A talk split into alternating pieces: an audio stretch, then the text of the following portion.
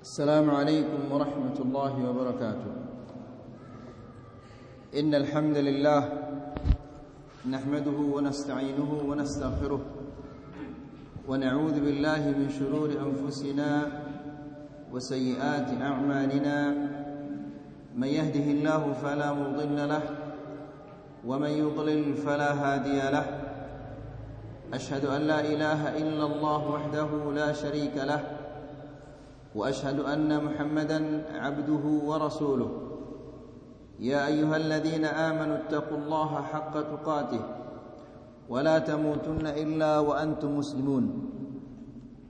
يا أيها الناس اتقوا ربكم الذي خلقكم من نفس واحدة وخلق منها زوجها وبث منهما رجالا كثيرا ونساء واتقوا الله الذي تساءلون به والأرحام إن الله كان عليكم رقيبا.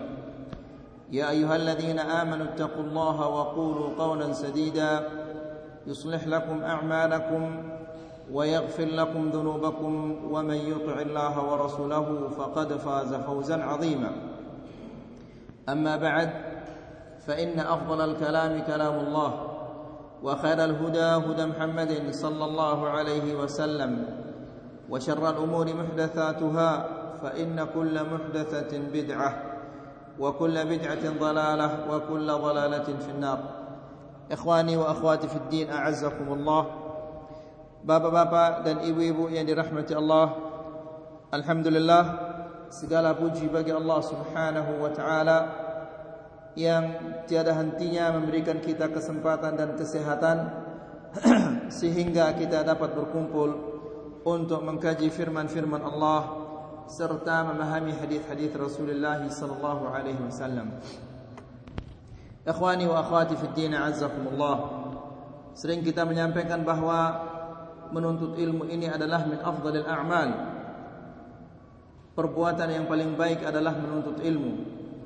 Dengan kita menuntut ilmu, kita dapat mengenal hak-hak Allah Subhanahu wa taala dan mengenal hak Nabi kita Muhammad sallallahu alaihi wasallam dan mengenal hak sesama kaum muslimin. Abu Al-Aswad mengatakan, "Laisa syai'un a'azzu min al-'ilm." Tidak ada sesuatu yang lebih mulia daripada ilmu. Wadhalika anna al-muluka hukkamun 'ala nas Yang demikian itu karena para raja, para penguasa hukkamun 'ala nas dia menguasai manusia-manusia. Dia bisa memerintahkan orang.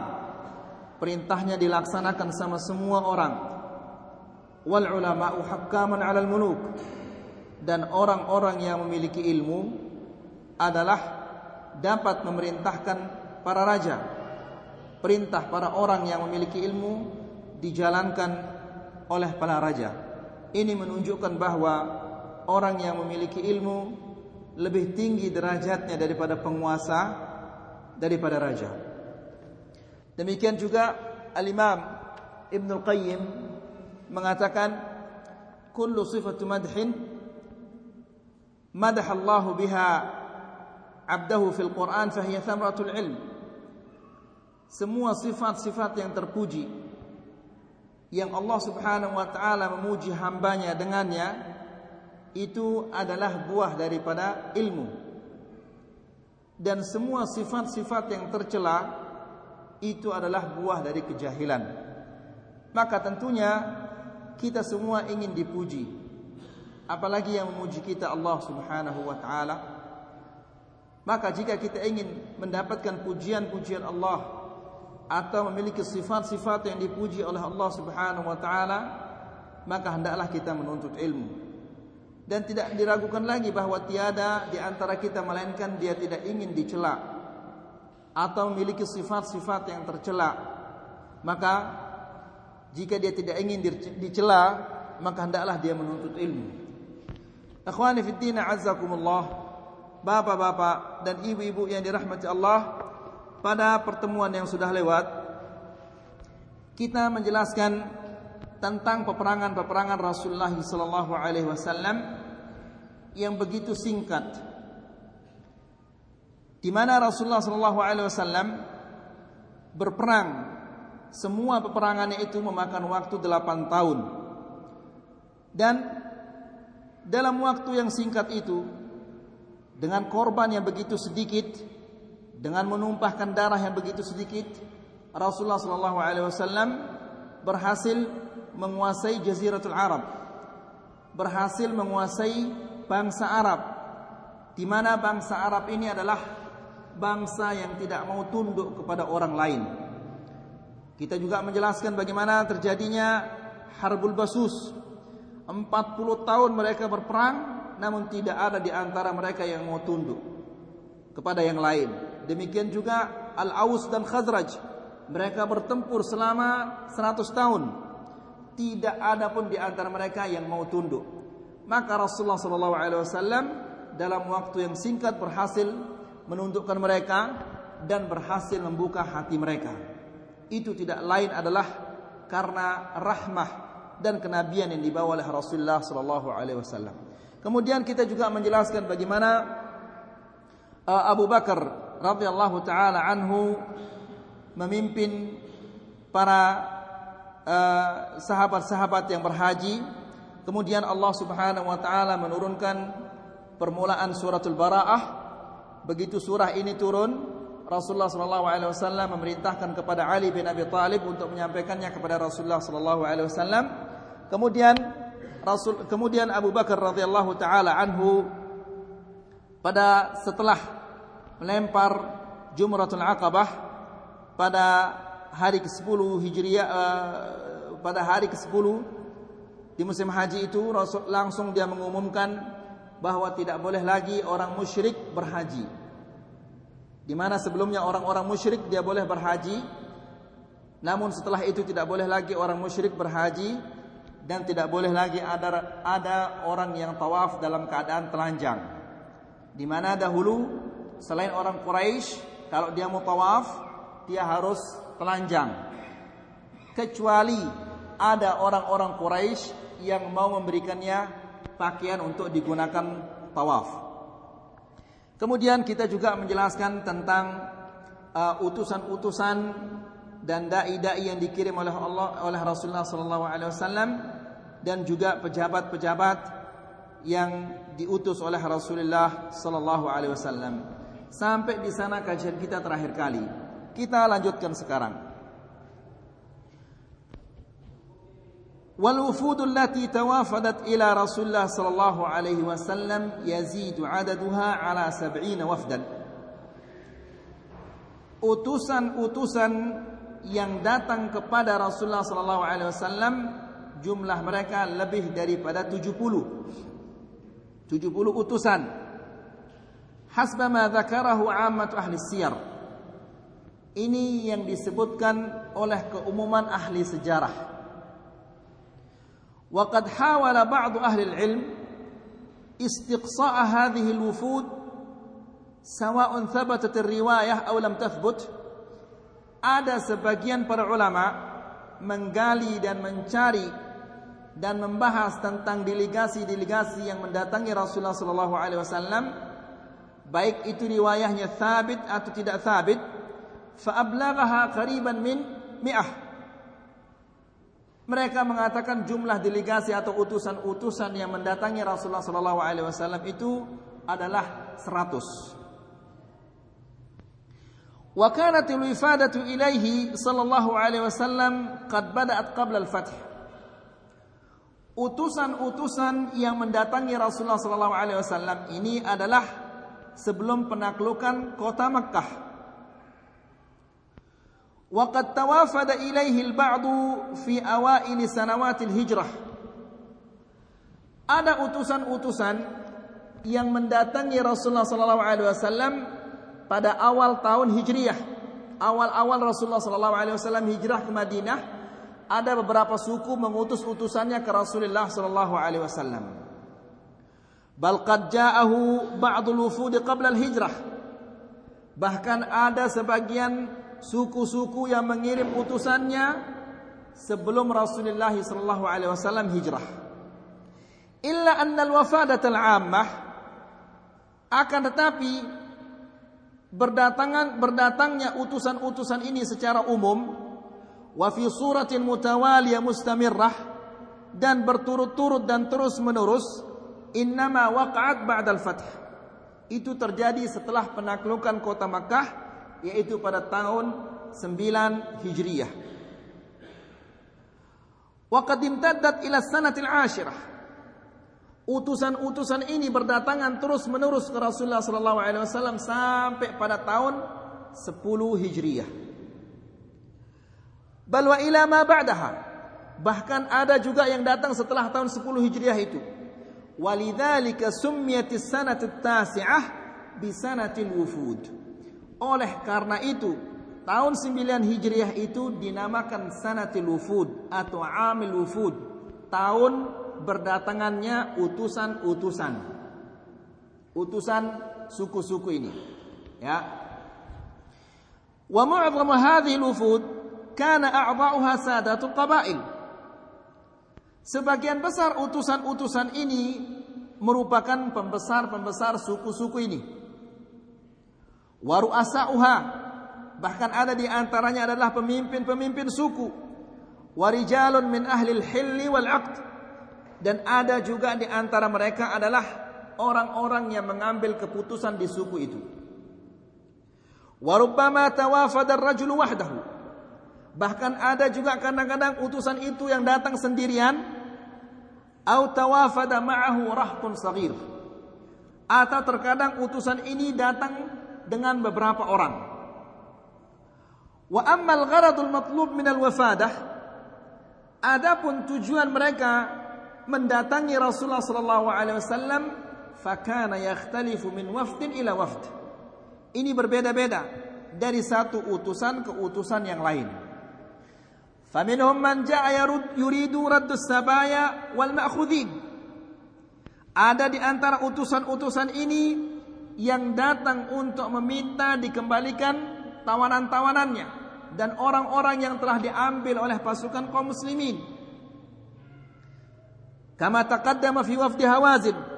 Sebagaimana sudah kita sampaikan tentang utusan Hawazin yang meminta dikembalikan tawanan-tawanannya wa wafdu Bani Tamim juga utusan Bani Tamim wa minhum man yuridul amana li nafsihi faqat ada juga sebagian utusan ini yang datang untuk memintakan dirinya keamanan memintakan dirinya sendiri keamanan dari Rasulullah sallallahu alaihi wasallam aw li nafsihi wa qaumihi kilaihima atau memintakan dirinya keamanan dan memintakan kaumnya juga. Wa minhum man jaa yufakhir wa yubahi. Ada di antara mereka juga yang datang membangga-banggakan sukunya. Suku kami adalah suku yang kuat berperang. Suku kami adalah orang yang baik-baik. Ya, suku kami adalah suku yang suka membantu dan seterusnya. Datang kepada Rasulullah SAW dan membanggakan suku-suku sukunya wa yunadir wa yujadil. Ada juga di antara utusan-utusan ini yang datang untuk berdebat dan berbantah-bantahan. Wa minhum man jaa yatlubu raddal jaysh islami kay la yahjum ala qaumih. Ada juga di antara utusan-utusan ini yang meminta kepada Rasulullah sallallahu alaihi wasallam agar pasukan kaum muslimin ditarik untuk tidak menyerang sukunya. Wa minhum man jaa yuqirru bit ta'ati wal jizyah. Ada juga di antara utusan ini yang datang untuk menampakkan ketundukannya dan kesanggupannya untuk membayar jizyah upeti kepada Rasulullah sallallahu alaihi wasallam. Wa minhum man jaa yubdi ragbatahu fil Islam. Dan ada juga di antara mereka yang menampakkan keinginannya untuk masuk Islam wa yubdi raja'a dzalika min qaumih dan juga dia mengharapkan agar kaumnya bisa masuk Islam. Wa minhum man ja'a musliman ta'i'an mumaththilan liqaumih.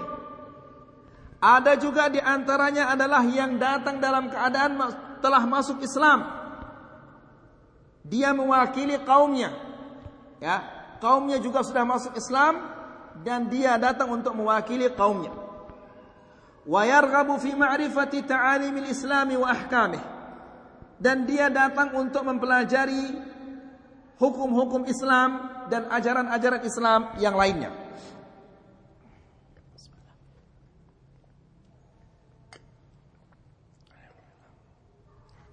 وكان رسول الله صلى الله عليه وسلم يقابل هذه الوفود بما جبله الله عليه من البشاشة وكرم الأخلاق dan Rasulullah sallallahu alaihi wasallam menyambut utusan-utusan ini dengan sifat yang Allah telah tanam padanya yaitu al-basyashah cerah ceria mukanya manis bermuka manis ketika menyambut kedatangan utusan-utusan ini wa karamil akhlak dan akhlak-akhlak yang mulia.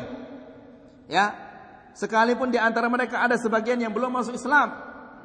Nah ini ikhwani fiddin azakumullah. Ya.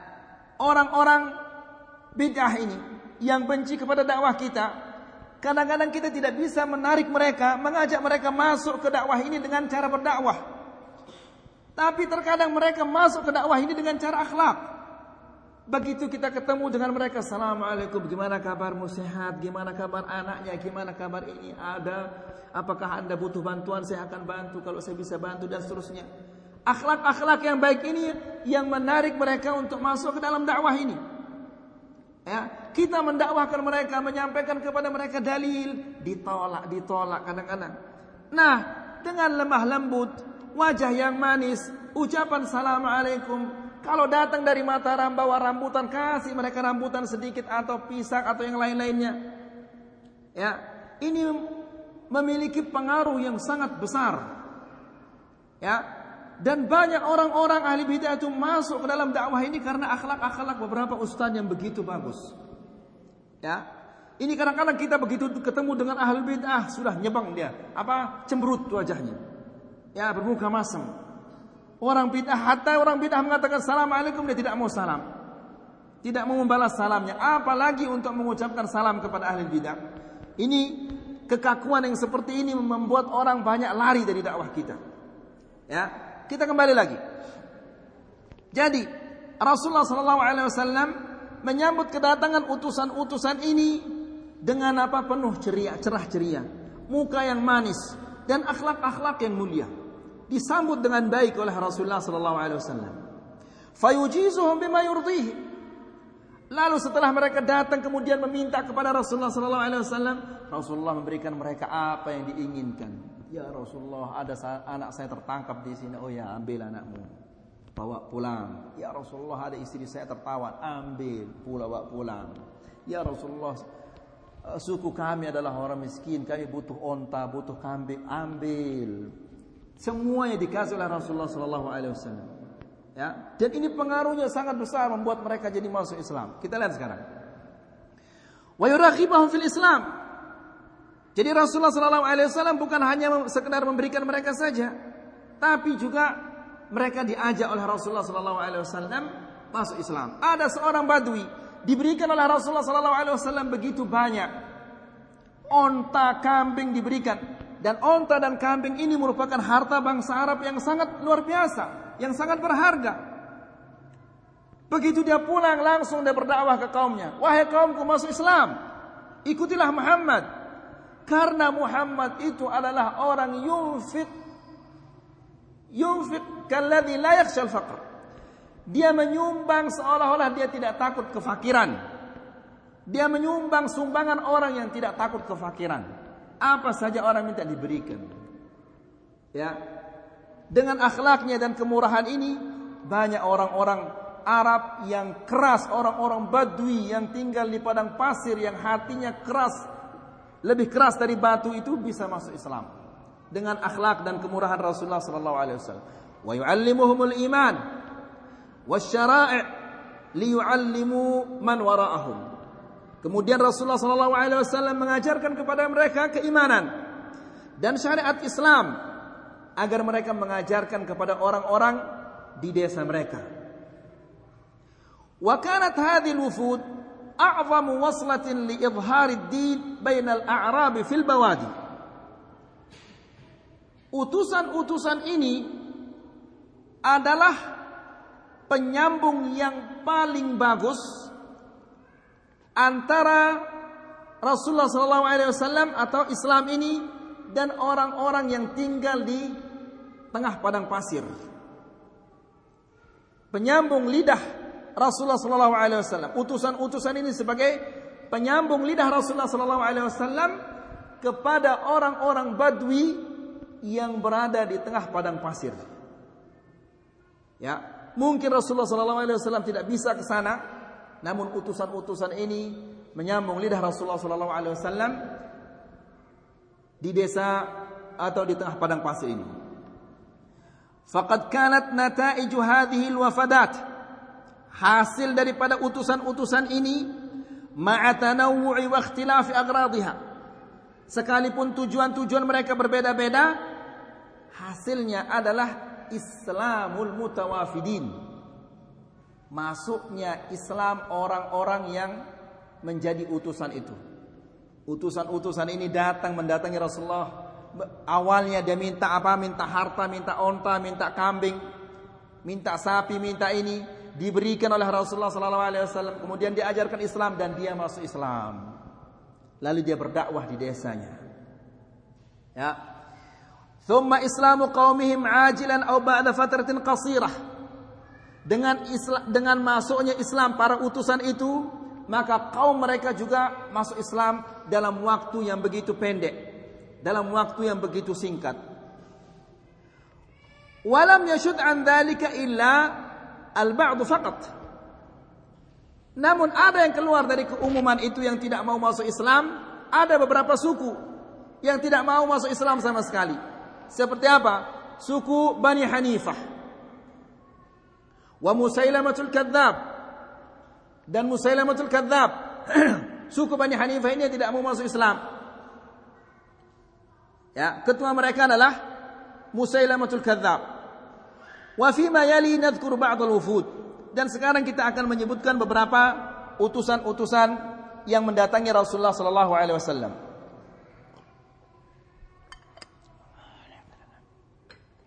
Yang pertama adalah wafdu Abdul Qais. Utusan Abdul Qais. Tentunya ini Abdul Qais ini adalah ta'bid li ghairillah. Tidak boleh kita menamakan anak kita Abdul Qais atau Abdul Muttalib. Karena itu adalah ta'bid li ghairillah. Namun ini adalah mereka nama-nama jahiliyah. Abdul Uzza ya mereka menamakan anak mereka Abdul Uzza Abdul Syams. Itu semua adalah nama-nama ta'bid li ghairillah dan itu adalah haram. Yang pertama adalah wafdu Abdul Qais. Utusan Abdul Qais. Kanu min sukkani syarqil jaziratil arabiyah. Abdul Qais ini mereka adalah penghuni Jaziratul Arab bagian timur. Wa min awwali man aslama kharij al-Madinah. Dan suku Abdul Qais ini adalah suku yang pertama kali masuk Islam di luar kota Madinah. Ya, suku Abdul Qais ini adalah suku yang pertama kali masuk Islam di luar kota Madinah. فإن أول مسجد أقيمت فيه الجمعة بعد مسجد رسول الله صلى الله عليه وسلم هو مسجدهم بقرية جوافي بالبحرين Masjid yang pertama kali didirikan padanya salat Jumat setelah Masjid Rasulullah sallallahu alaihi wasallam adalah Masjid Abdul Qais, suku Abdul Qais yang berada di sebuah desa namanya Jawafi di Al-Bahrain sekarang. Ya. Di sanalah Jumatan yang pertama didirikan setelah masjidnya Rasulullah sallallahu alaihi wasallam. Waqad tawafada Banu Abdul Qais marratain.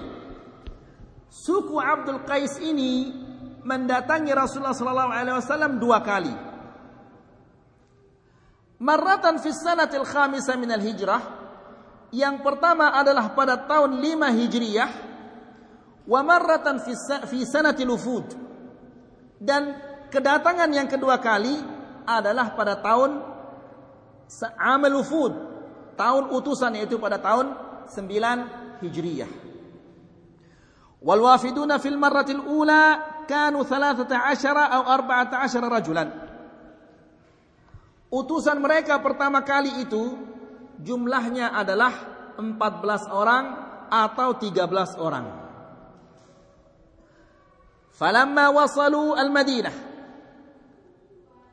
Ketika mereka sampai ke kota Madinah, ini utusan yang pertama, wara'un Nabi sallallahu alaihi wasallam dan mereka melihat Rasulullah sallallahu alaihi wasallam ramau bi anfusihim 'anil rakaib bi babil masjid. Begitu mereka datang mendekati masjid Rasulullah sallallahu alaihi wasallam dan mereka melihat Rasulullah di dalam masjid langsung mereka loncat dari tunggangan-tunggangan mereka ya. Watabadaru ilaihi yusallimuna dan mereka langsung mendatangi Rasulullah sallallahu alaihi wasallam untuk berjabat tangan dengannya. Wa fihim Abdullah bin Auf al-Ashaj. Ada di antara mereka seseorang bernama Abdullah bin Auf al-Ashaj wa kana asgharuhum dia adalah paling muda paling kecil usianya di antara utusan-utusan ini. Fatakhallafa 'anil rakaib. Dia terlambat dari rombongan ini. Dia tidak langsung masuk dan bersalaman kepada Rasulullah sallallahu alaihi wasallam bersama rombongan ini, bersama utusan-utusan ini. Hatta anakhaha.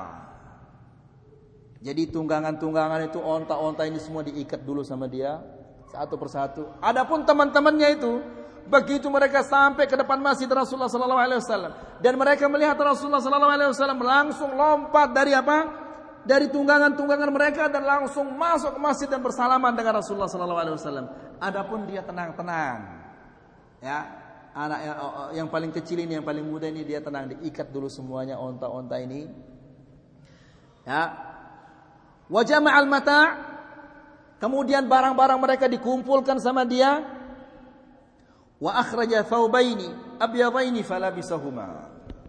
Kemudian dia mengambil dua kain putih kemudian dipakai. Thumma jaa haunan. Kemudian dia masuk masjid dengan tenang santai hatta sallama ala Rasulullah sallallahu alaihi wasallam kemudian dia mengucapkan salam dan berjabat tangan dengan Rasulullah sallallahu alaihi wasallam faqala lahu Rasulullah sallallahu alaihi wasallam lalu Rasulullah sallallahu alaihi wasallam melihat apa istilahnya ini uh, cara-caranya ini yang tidak gegabah, tidak kasak kusuk, tidak bergerusuk bahasa sasaknya itu. Ya, Rasulullah sallallahu alaihi wasallam melihat sifatnya ini, dia mengatakan inna fika khislatain. Sesungguhnya ada pada dirimu ini dua sifat. Yuhibbuhum Allah wa rasuluh. Kedua sifat itu dicintai oleh Allah dan Rasulnya. Apa itu? Al-hilm wal anat yaitu engkau tidak pemarah dan engkau adalah orang yang tidak gegabah. Santai, semua teman-teman yang masuk dia diikat dulu onta-onta ini. Ya, Kemudian barang-barang mereka dikumpulkan. Setelah dikumpulkan barang itu dia ngambil apa dua kain yang putih kemudian dia pakai, kemudian dia masuk dengan tenang, kemudian e, mengucapkan salam, kemudian dia berjabat tangan dengan Rasulullah sallallahu alaihi wasallam tidak apa kasak. Ya. Wa kana an-nabi sallallahu alaihi wasallam qad qala qabla wusulihi minal Madinah. Dan Nabi sallallahu alaihi wasallam telah bersabda sebelum mereka datang ke kota Madinah, yaitu utusan Abdul Qais ini. Sayatlu alaikum rakbun hum khairu ahli al-masyriq kalian akan didatangi oleh sebuah rombongan dari penduduk timur jazirah ini. Hum khairu ahli masyriq. Mereka adalah orang yang terbaik dari penghuni bagian timur jazirah ini. Lam yukrahu ala islam Mereka itu adalah orang-orang yang tidak dipaksa untuk masuk Islam. Qad rakaib mereka telah melelahkan tunggangan mereka untuk datang dan mencari kebenaran. Ya. Mereka telah melelahkan tunggangan mereka. Wa afnauzad dan mereka telah menghabiskan bekal-bekal mereka.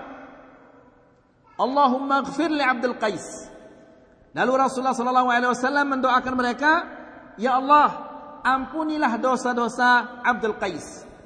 Falamma ja'uh ketika mereka datang kepada Rasulullah sallallahu alaihi wasallam, qal Rasulullah sallallahu alaihi wasallam mengatakan, "Marhaban bikum ghaira khazaya wala nadama." Selamat datang kepada kalian tanpa keterlantaran dan tanpa penyesalan. Yani semoga Allah Subhanahu wa taala tidak menelantarkan kalian dan semoga Allah tidak menjadikan kalian menyesal atas kedatangan kalian ini. Di mana kalian telah melelahkan tunggangan kalian. Kalian telah menghabiskan bekal-bekal kalian untuk datang kemari. Semoga Allah tidak menelantarkan kalian dan semoga Allah Subhanahu wa taala tidak menjadikan kalian orang-orang yang menyesal. Wasa'aluhu an amrin faslin ya'maluna bihi. Kemudian langsung mereka bertanya kepada Rasulullah wasallam tentang satu perkara yang memutuskan antara yang hak dan yang batil. Agar mereka sampaikan kepada orang-orang yang lain di desa mereka. Wa yukhbiruna bihi man wara'hum fa amarahum bi arba'. Lalu Rasulullah sallallahu alaihi wasallam memerintahkan mereka dengan empat perkara. Yang pertama adalah syahadati alla ilaha illallah wa anna muhammadar rasulullah. Ini yang pertama kali diajarkan kepada mereka oleh Rasulullah sallallahu alaihi wasallam. Setelah itu wa iqamis salat dan menegakkan salat, wa ita'iz zakat dan membayar zakat, wa shaumi ramadan dan puasa bulan Ramadan. Ini rukun Islam yang empat itu diajarkan. Walam yakun qad furidal hajju idzak falam ya'mur bihi. Adapun haji di saat itu belum diwajibkan oleh Allah Subhanahu wa taala sehingga Rasulullah sallallahu alaihi wasallam tidak memerintahkan mereka untuk melaksanakannya. Wa talaba minhum an yu'tu minal minal maghnamil khums. Dan Rasulullah sallallahu alaihi wasallam meminta mereka meminta agar mereka membayar seperlima dari harta rampasan perang yang mereka dapati. Wanahahum amma yuskiru minal ashribah. Dan Rasulullah sallallahu alaihi wasallam melarang mereka dari minuman-minuman yang memabukkan. Apa saja namanya yang memabukkan hindari. Wa kanu minha. Dan mereka adalah suku Abdul Qais ini senang dan gemar minum minuman keras. Ya, Secara umum bangsa Arab gemar minum minuman keras itu. Bahkan kalau mereka bertamu, lalu tamu ini tidak disuguhi minuman keras, ini adalah apa tuan rumah yang tidak baik ini. Ya. Begitu dia pulang nanti dia akan celah dengan lewat apa syair-syairnya. Saya datang ke rumahnya fulan, hanya dikasih kopi sama sama sama teh, tidak ada minuman kerasnya. Itu mereka sebarkan nanti. Ya. Dan orang ini akan dicela sama semua sukunya. Karena satu orang ini apabila dia keluar dari rumahnya, kemudian dia menyebutnya dengan syair-syair bahwa saya tidak disuguhi minuman keras di sana, satu suku itu akan tercela. Karena syairnya itu akan didengar sama semua bangsa Arab nanti. Bahwa di suku itu orangnya pelit-pelit. Ada tamu datang tidak dikasih minum apa minuman keras. Tercela. Ya. Nah, Abdul Qais ini salah satu suku yang suka minum minuman keras. Maka Rasulullah sallallahu alaihi wasallam melarang mereka dari semua minuman-minuman yang memabukkan. Wa nahahum aidan anil awani allati kanu yantabiduna fiha. Dan Rasulullah sallallahu alaihi wasallam melarang mereka menggunakan bejana-bejana yang mereka gunakan untuk apa? Membuat minuman-minuman keras. Wa ammal wafadatu tsaniyah. Adapun kedatangan mereka yang kedua, fakana fiha arba'una rajulan. Kedatangan yang kedua itu adalah jumlah mereka adalah 40 orang fihimul Jarud ibn al-Ala al-Abdi. Termasuk di dalamnya adalah Al-Jarud ibn al-Ala al-Abdi kana nasraniyan fa aslam. Dia awalnya adalah orang Nasrani kemudian dia masuk Islam wa hasuna Islam. Kemudian Islamnya menjadi baik. Wufud Tamam bin Tha'labah bin Bani Sa'ad bin Bakr utusan Tamam bin Tha'lab bin Tha'labah. Dia ini adalah dari suku Bani Sa'ad bin Bakr. Kana rajulan jafian min ahli min ahli al-badiyah. Damam ini adalah orang yang keras, kasar. Dari penduduk Badiah, padang pasir. Kalau kita mungkin orang gawah ini. Keras, kasar. Ya, tinggal di padang pasir. Dzaqadiratain. Dia datang dengan mempunyai apa? Dua kepangan. Sah itu kepang bahasa ini? Iya, ghadiratain. Ya. Jadi sahabat-sahabat rata-rata punya kepangan. Abu Bakar juga punya kepangan sebagaimana kita sudah sampaikan waktu itu. Dzaqadiratain. Dia punya dua kepangan. Qadimal Madinah. Dia datang ke kota Madinah. Fa'anakha ba'irahu fil masjid. Kemudian dia turun dari ontanya kemudian diikat di masjid. Wa aqalah dan diikat. Thumma qal. Lalu dia mengatakan orang keras kasar ini. Ayyukum ibnu Abdul Muttalib? Siapa di antara kalian ibnu Abdul Muttalib? Anaknya Abdul Muttalib atau cucunya Abdul Muttalib? Fadalluhu alaihi sallallahu alaihi wasallam. Oh itu dia. Yani Muhammad maksudnya. Rasulullah sallallahu alaihi wasallam. Siapa di antara kalian anaknya Abdul Muttalib? Itu maksudnya adalah Rasulullah. Oh itu dia, ditunjukkan. Fadana minhu. Lalu dia datang mendekati Rasulullah sallallahu alaihi wasallam. Waqal, dia mengatakan, "Ya Muhammad, wahai Muhammad, inni sa'iluk." Saya akan menanyakan kepadamu beberapa pertanyaan. Famusyaddidun 'alaika fil mas'alah. Dan saya meminta kepadamu jawaban yang tegas, yang benar terhadap pertanyaan-pertanyaan saya ini. Fala tajid alayya fi nafsik. Jangan engkau basa-basi. Ya. Maksudnya sekalipun jawabannya nanti menyakitkan, jawablah dengan benar. Jangan engkau hiraukan perasaan saya. Ya, oh ini hebat ini. Ya, kalau kita kan orang Indonesia, apa istilahnya? Terlalu banyak basa-basi ini. Muter ke Karangjangkong ke sana ya, baru sampai. Enggak apa istilahnya kalau orang orang Makkah bilang khalik dugri. Dugri itu artinya langsung to the point walaupun perasaan saya akan sakit, langsung saya kasih saya jawabannya. Ya, apa bahasa Indonesia-nya? Orang Mekah bilang hada ini rajul dukhri. Dukhri itu artinya langsung to the point walaupun orang itu akan sakit perasaannya. Tapi dia jawab dengan uh, terus terang. Faqal salma badalak. Tanyalah apa yang kau ingin tanyakan. Faqal dia mengatakan atana rasulullah faza'ama lana annaka taz'umu anna Allah arsalak utusanmu mendatangi kami dan utusanmu itu mengatakan bahwa engkau diutus oleh Allah. Kalau sadaq. Benar utusan saya itu. Saya ini adalah utusan Allah. Qal dia mengatakan, "Faman khalaqas sama?" Siapa yang menciptakan langit? Qala Allah, Allah yang menciptakan langit. Qala faman khalaqal ard? Siapa yang menciptakan bumi ini? Qala Allah, Allah menciptakan bumi ini. Qala faman nasab hadhihi jibal Siapa yang menegakkan gunung-gunung ini, yang mendirikan gunung-gunung ini? Wa ja'ala fiha ma ja'al. Dan dia ciptakan pada gunung ini apa yang telah diciptakan? Qala Allah, Allah yang menciptakan gunung ini dan menciptakan apa-apa yang ada padanya. Qal, fabilladhi khalaqas sama' wa khalaqal ard wa jibal. Ya, demi yang menciptakan langit dan menciptakan bumi dan mendirikan gunung-gunung ini Allah arsalak. Apakah Allah yang mengutusmu? Qala na'am. Iya Allah mengutus saya. Qal.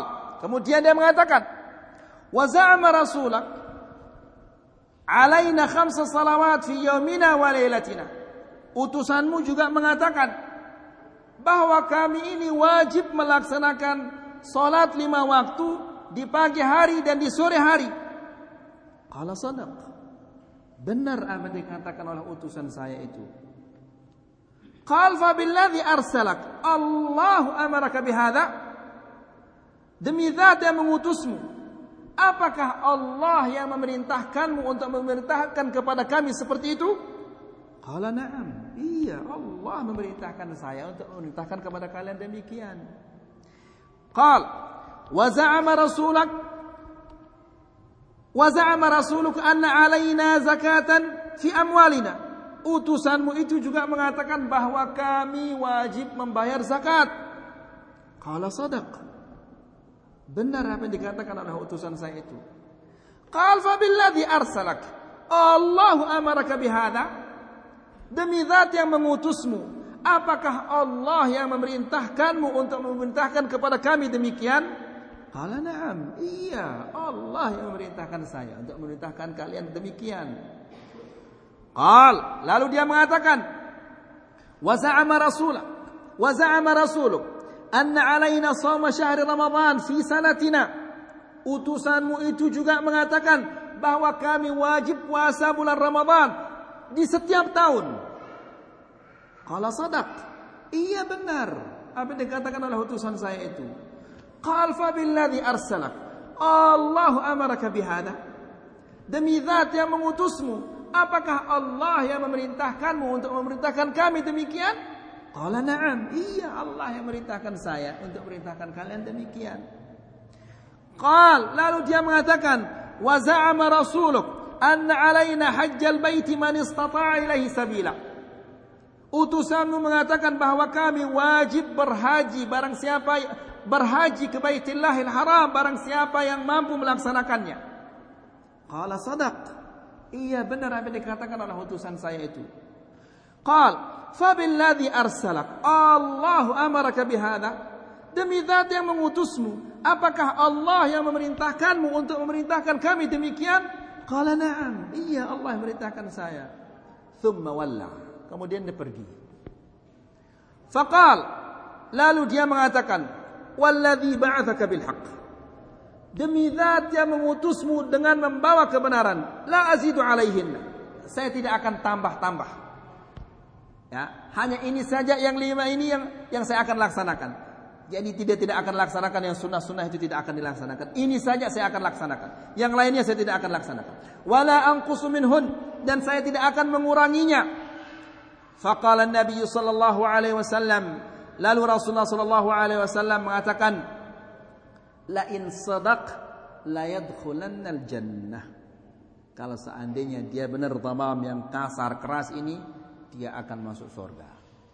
Walamma raja'a ila qaumihi dan ketika dia pula kembali ke kaumnya, raja musliman, dia kembali dalam keadaan Islam.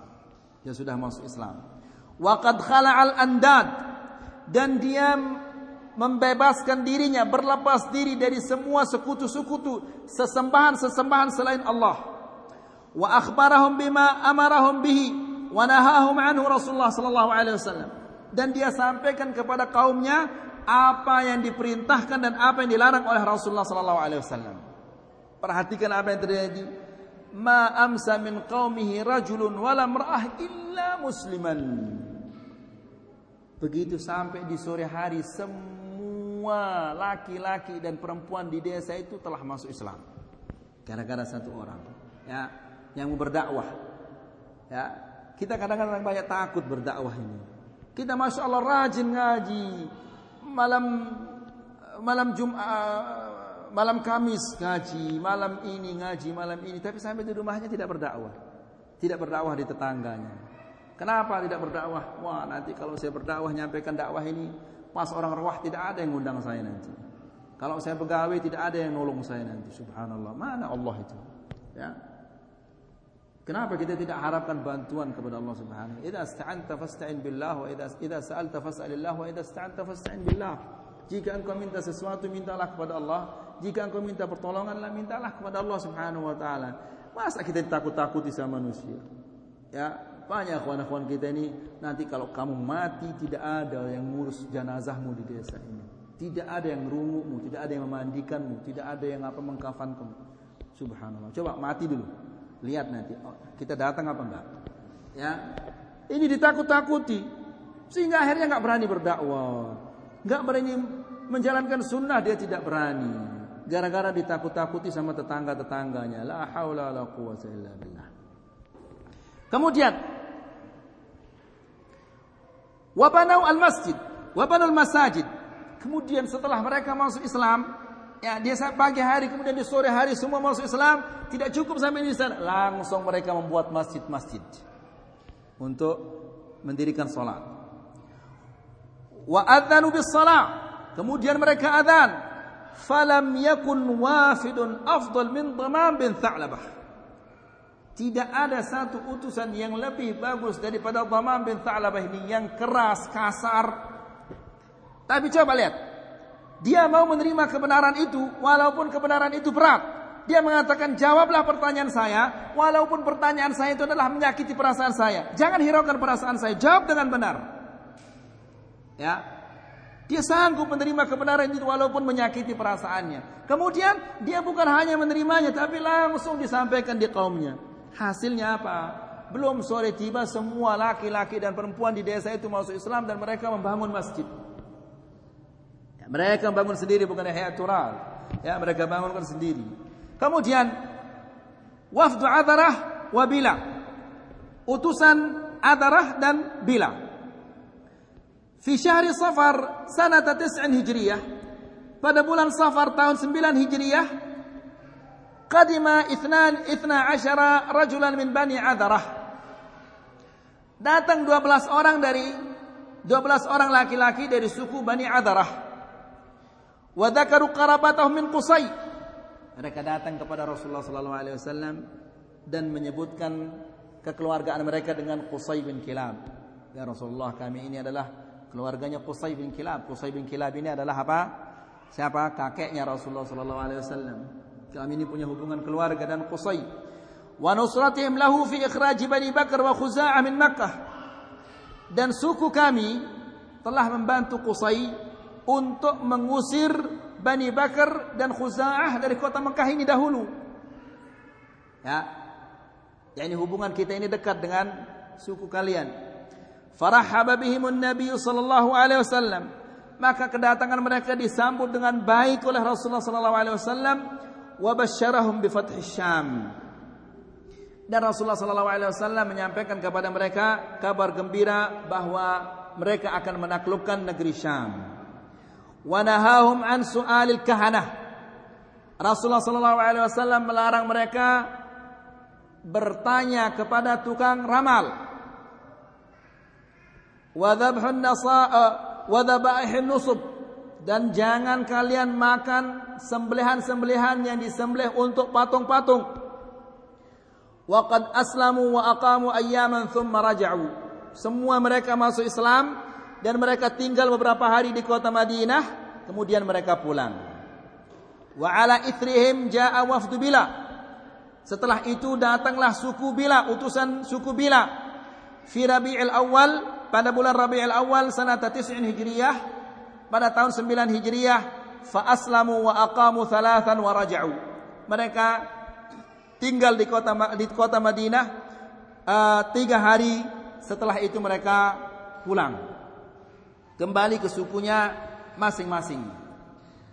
Mungkin sampai di sini dulu kita yang kita dapat kita sampaikan. Mudah-mudahan apa kita sampaikan ini bisa menambah keimanan kita dan ketakwaan kita dan kecintaan kita kepada Rasulullah sallallahu alaihi wasallam dan sahabat-sahabatnya dan semoga Allah Subhanahu wa taala mengumpulkan kita bersama mereka di Jannatul Firdausil A'la innahu khairu mas'ul wa akramu ma'mul wa akhiru da'wana alhamdulillahi rabbil alamin والسلام عليكم ورحمة الله وبركاته.